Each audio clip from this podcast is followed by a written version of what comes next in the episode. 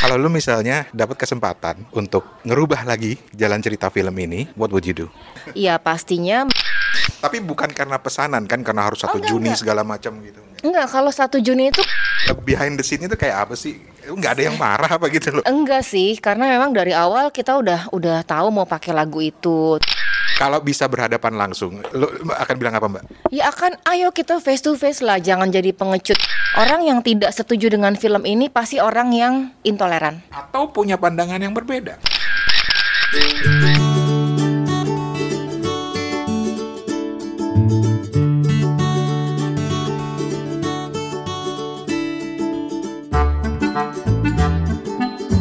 Halo, Assalamualaikum, Sawadika, apa kabar? Ketemu lagi di Suarane Podcast bareng gua Rane Hafid dari Bangkok, Thailand. Langsung aja dalam Suarane Podcast episode kali ini gue mau cerita tentang sebuah film yang berangkat dari tema Pancasila. Film ini sebenarnya udah nongol di bioskop-bioskop di Indonesia tanggal 1 Juni lalu dan udah turun kali ya. Eh, tapi baru-baru ini diputer untuk pertama kali cuy. Untuk pertama kali di luar Indonesia, di Bangkok tepatnya. Istilah kerennya World Premiere. Mantap. Nah kalau lu belum sempat nonton waktu diputar di Indonesia, ah coy lu rugi banget. Beneran lu rugi banget. Jujur ya, gue berharap film kayak begini ini ada waktu gue masih sekolah dulu.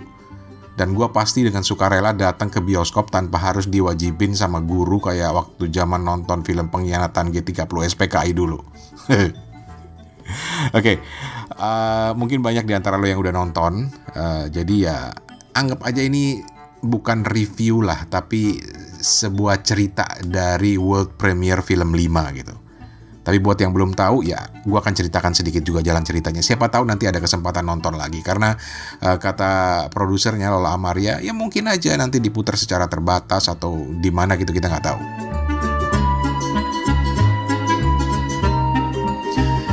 Film ini intinya judulnya adalah Lima yang berangkat dari lima sila dalam Pancasila. Nah uniknya film ini punya lima sutradara yaitu Lola Amaria sendiri, Salahuddin Siregar, Tika Pramesti, Havan Agustriansyah, dan Adrianto Dewo. Ini yang di versi bahasa Inggris gue tulisnya Adrianto Dewanto, ini minta maaf banget. Nah, setiap sutradara ini ngerjain satu cerita yang diambil dari sila-sila Pancasila, tapi ceritanya saling saling terkait, saling menyatu lah eh, dalam film tersebut.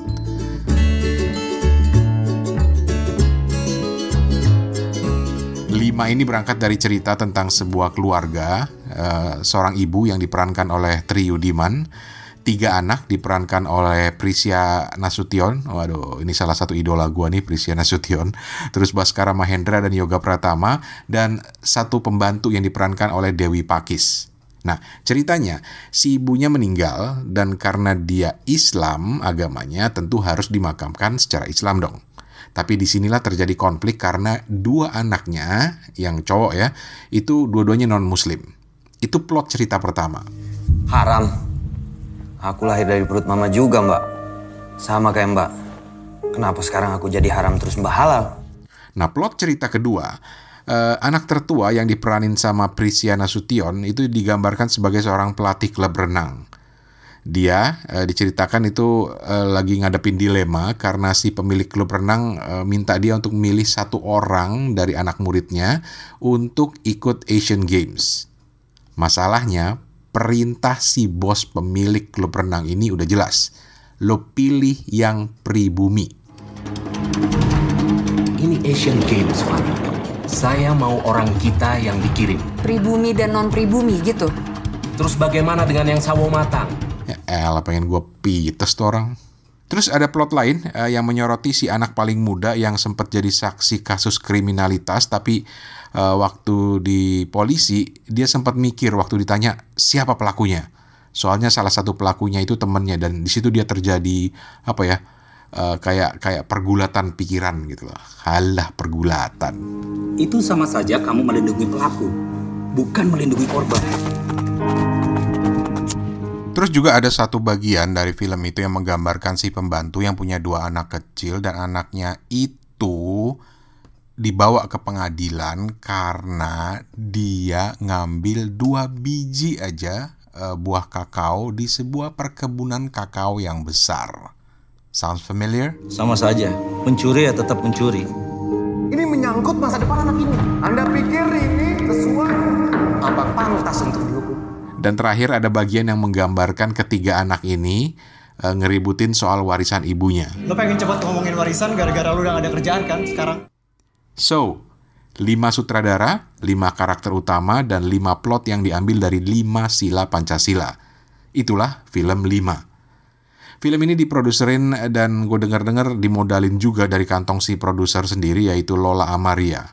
Lola ini datang ke world premiere di Bangkok yang digelar oleh Sea Junction dan ntar kita bicara lah sama dia ntar.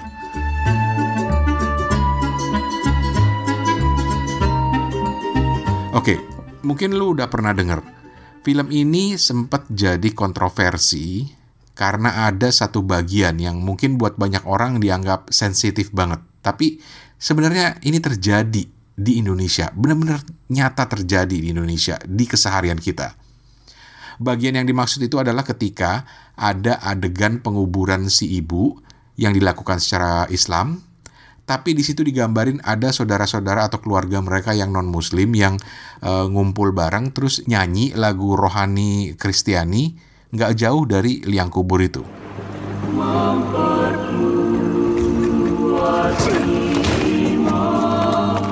Jujur ya, buat gue adegan penguburan ini alah gila. Indah banget men. Indah banget. Ini buat gue loh ya.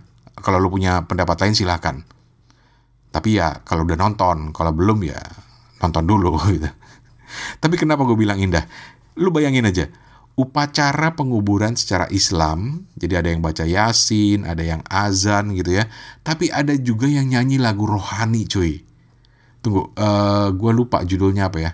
Um, oh oke. Okay. judulnya itu kekuatan serta penghiburan. Men gue merinding men liatnya men. Gila indah banget tapi ya gue yakin belum tentu indah buat yang lain Badan sensor film di Indonesia aja itu sempat minta bagian ini dipotong, dibuang.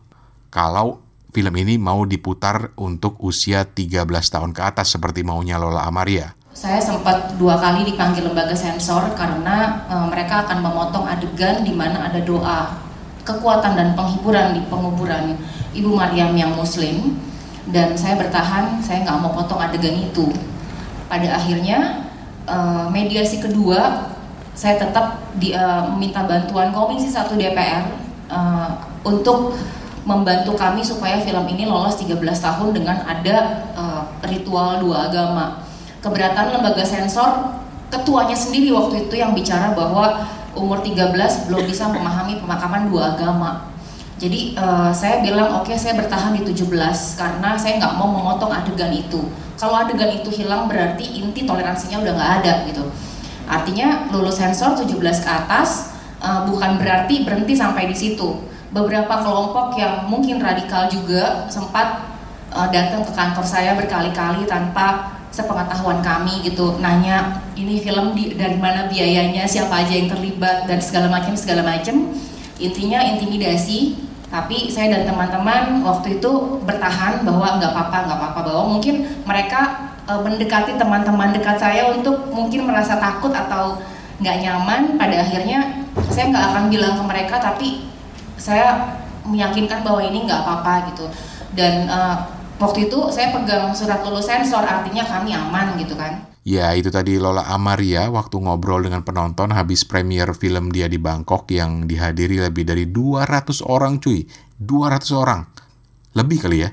Dan kebanyakan tuh orang Indonesia.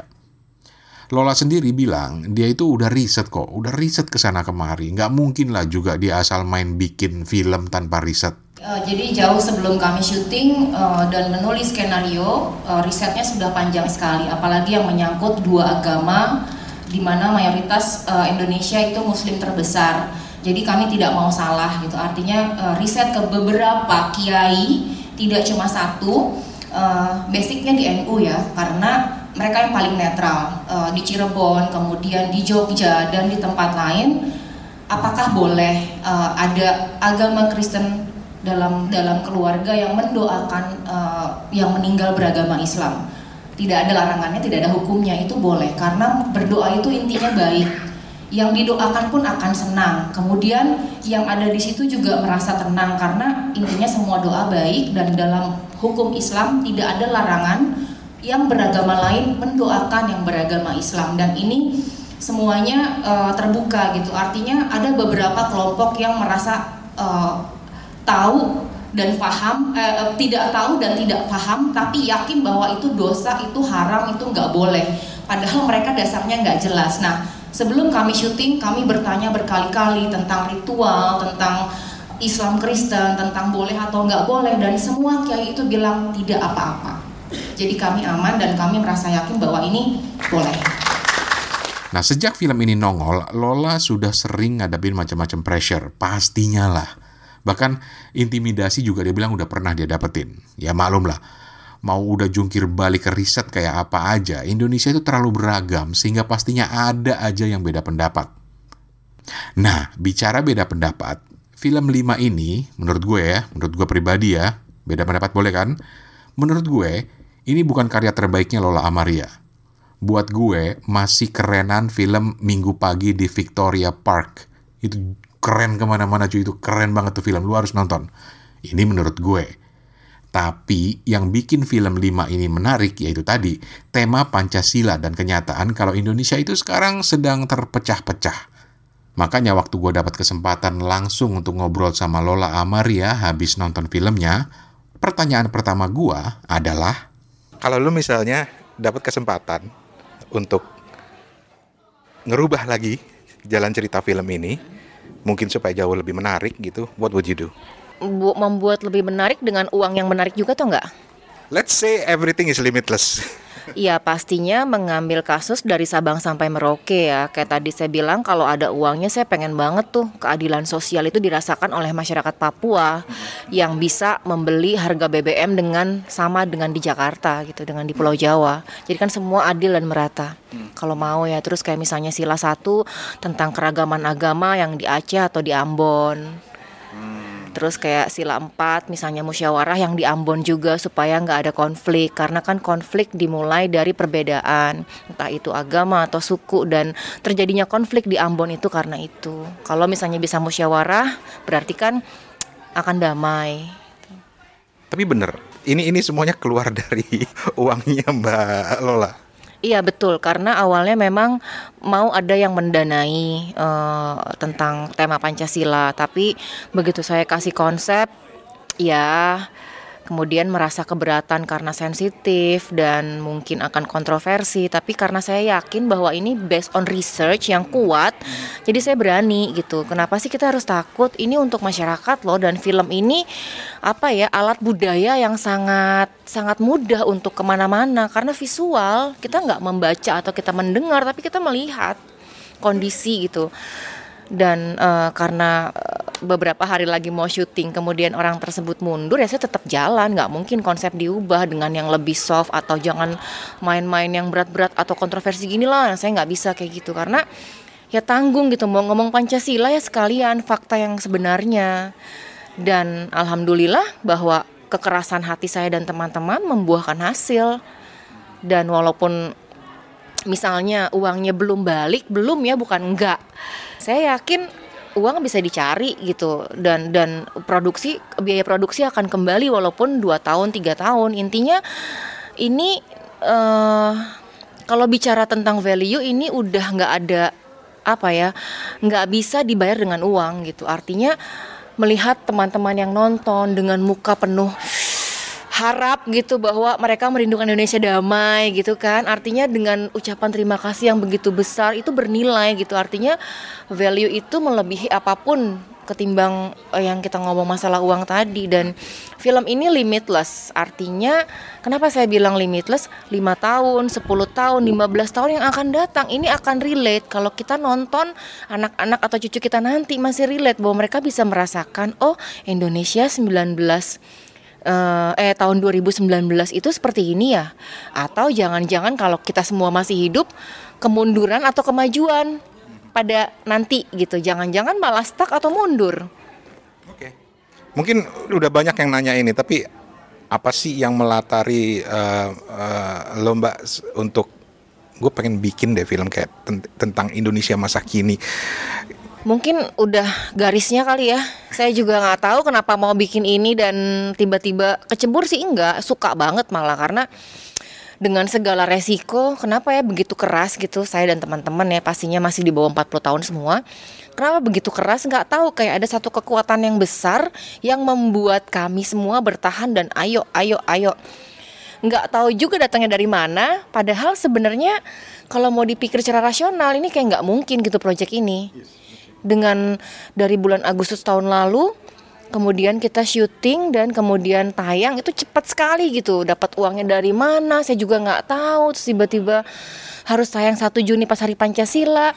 Awalnya dipersulit tapi akhirnya dapat juga. Terus ya dengan segala kontroversi bisa ditangani itu kayak kayak unbelievable ya.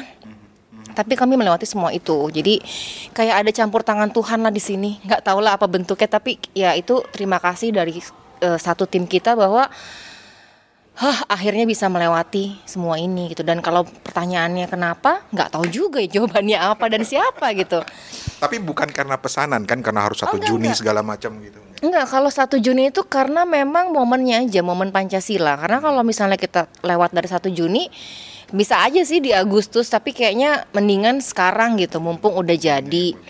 Dan kayak ada bom di Surabaya, terus ada masalah teroris segala macem di Makobrimob, terus ada film 212, itu kayak kayak berbarengan aja dan tanpa ada rekayasa gitu.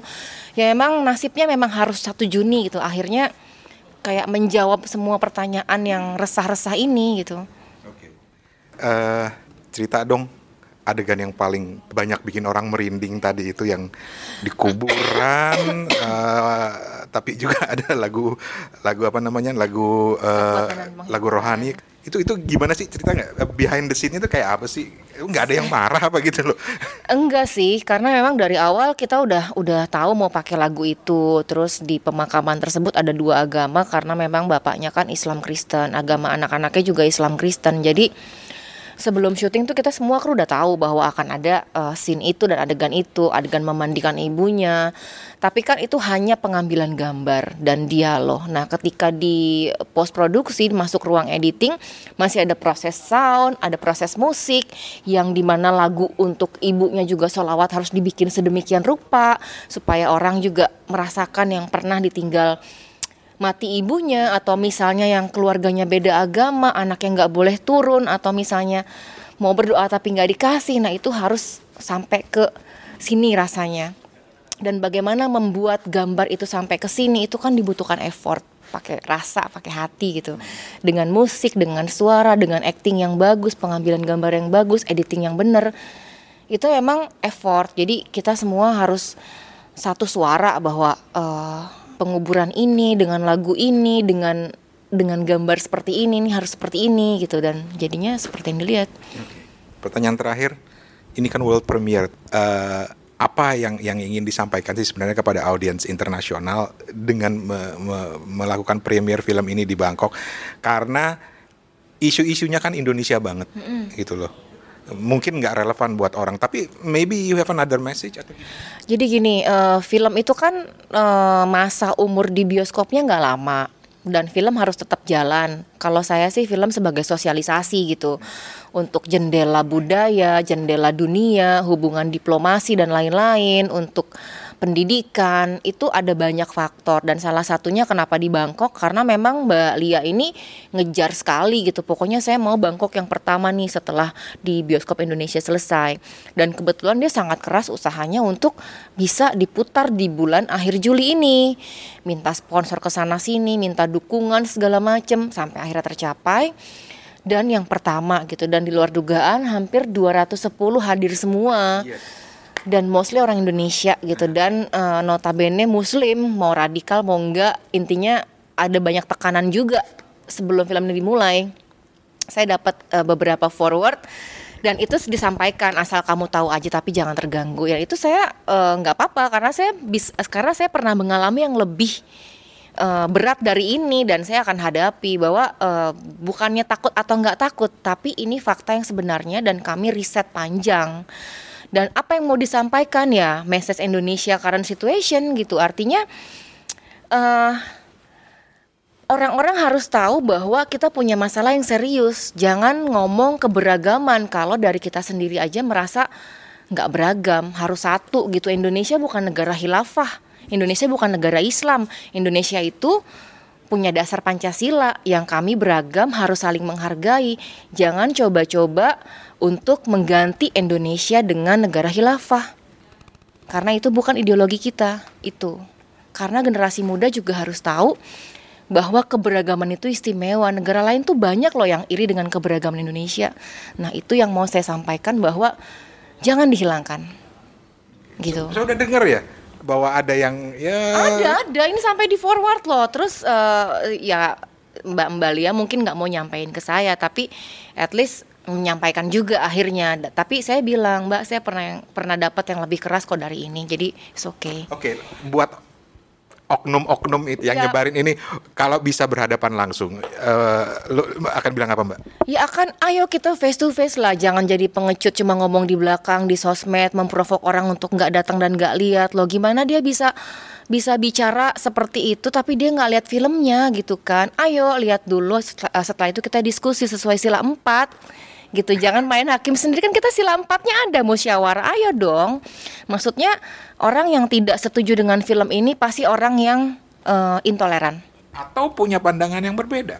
Per punya pandangan yang berbeda tidak ada masalah. Sah-sah aja harus dihargain. Tapi jangan memprovok gitu. Saya menghargai kok yang yang yang berbeda dengan saya, yang pemahamannya tidak sama, nggak apa-apa karena kita beragam. Justru itu yang harus dihargai, itu indah. Tapi kalau saya sampai memprovok kamu salah, saya benar atau sebaliknya, saya salah kamu benar, itu yang bahaya. Ada berapa banyak orang jadi korban karena provokasi. Gitu. Well, 200 orang. Makasih. Thank you banget, thank you banget. Thank you banget. Yoi, itu tadi obrolan gue sama Lola Amaria, produser dan salah satu sutradara film 5, sebuah film yang bertemakan Pancasila. Gue tuh demen banget kalau Lola itu waktu main di Cabaukan. Wih gila keren banget tuh. Terus minggu pagi di Victoria Park itu juga keren banget. Lu harus nonton. Lah jadi ngelantur.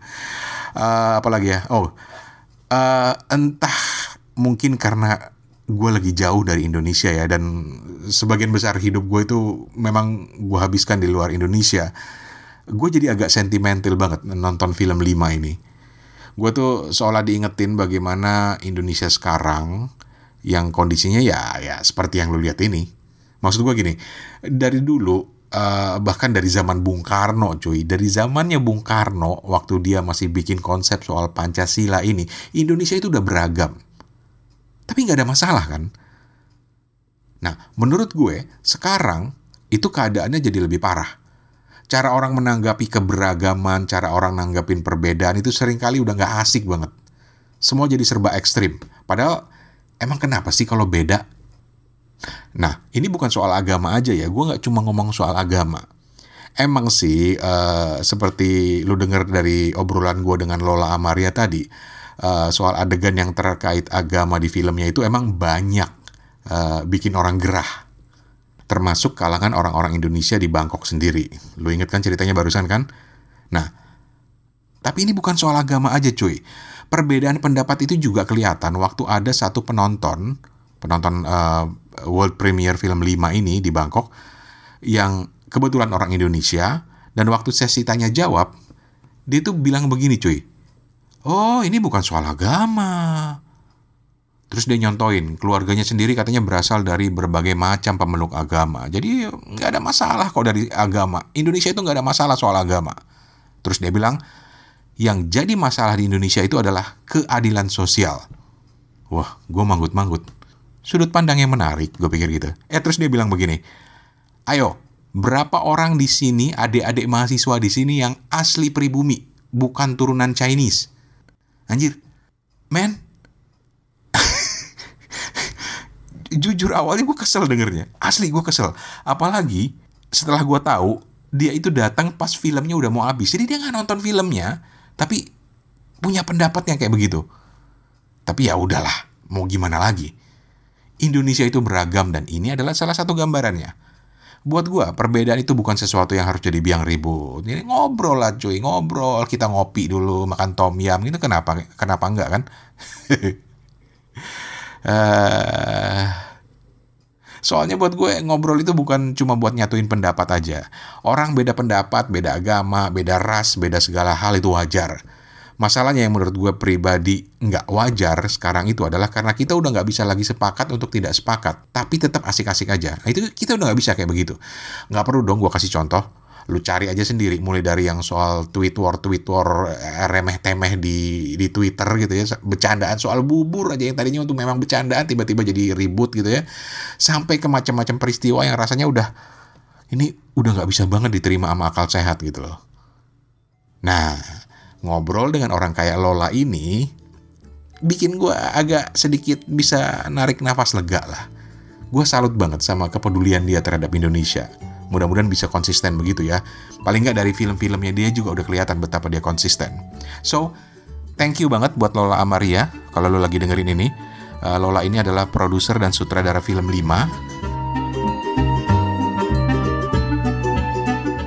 Uh, gue sih mau bilang begini kalau lu, lu pada nonton deh film 5. Tapi gimana dong? Filmnya kan udah turun dari bioskop di Indonesia. Tapi ya mudah-mudahan ada kesempatan buat lu nonton film ini semuanya ya. Uh, mungkin di kalangan tertentu atau di TV atau jangan-jangan nanti masuk ke Netflix ya. Who knows? Kita nggak tahu. So sekali lagi thank you buat Lola Amaria dan juga makasih banget buat C Junction dan foundernya Ibu Lia Skiortino Sumaryono yang yang udah ngizinin gue untuk uh, ngerekam obrolan dengan Lola Amaria ini. Dan pastinya makasih juga buat lo yang udah dengerin sampai di sini. Kita asik-asik aja ya cuy. Beda boleh, tapi asik-asik aja. Apalagi bentar lagi mau pemilu. Ah, gila lo bayangin dah itu ribetnya kayak apa. Tapi kalau kita asik-asik aja, walaupun beda-beda pendapat, kagak masalah. Ya wes, jangan lupa subscribe ke Suarane Podcast. Episode ini juga ada versi Inggrisnya dengan konten yang sedikit beda boleh aja kalau mau dengerin main aja ke suarane.org suarane.org dan buat kontak gue silakan lewat email ke suarane@gmail.com thank you banget yang udah kirim email ke gue nanyain soal podcast macam-macam segala macam. Selalu gue berusaha untuk balas kalau ada di antara lo yang udah email dan uh, dan eh, gue belum balas lo marah aja ke gue. Teriak-teriak juga boleh karena gue paling seneng deh ngobrol dengan siapa pun gitu aja. Oke okay? uh, eh, dari Bangkok Thailand akhirnya gue Rani Hafid pamit. Assalamualaikum kap. Terima kasih kapun kap. Sampai jumpa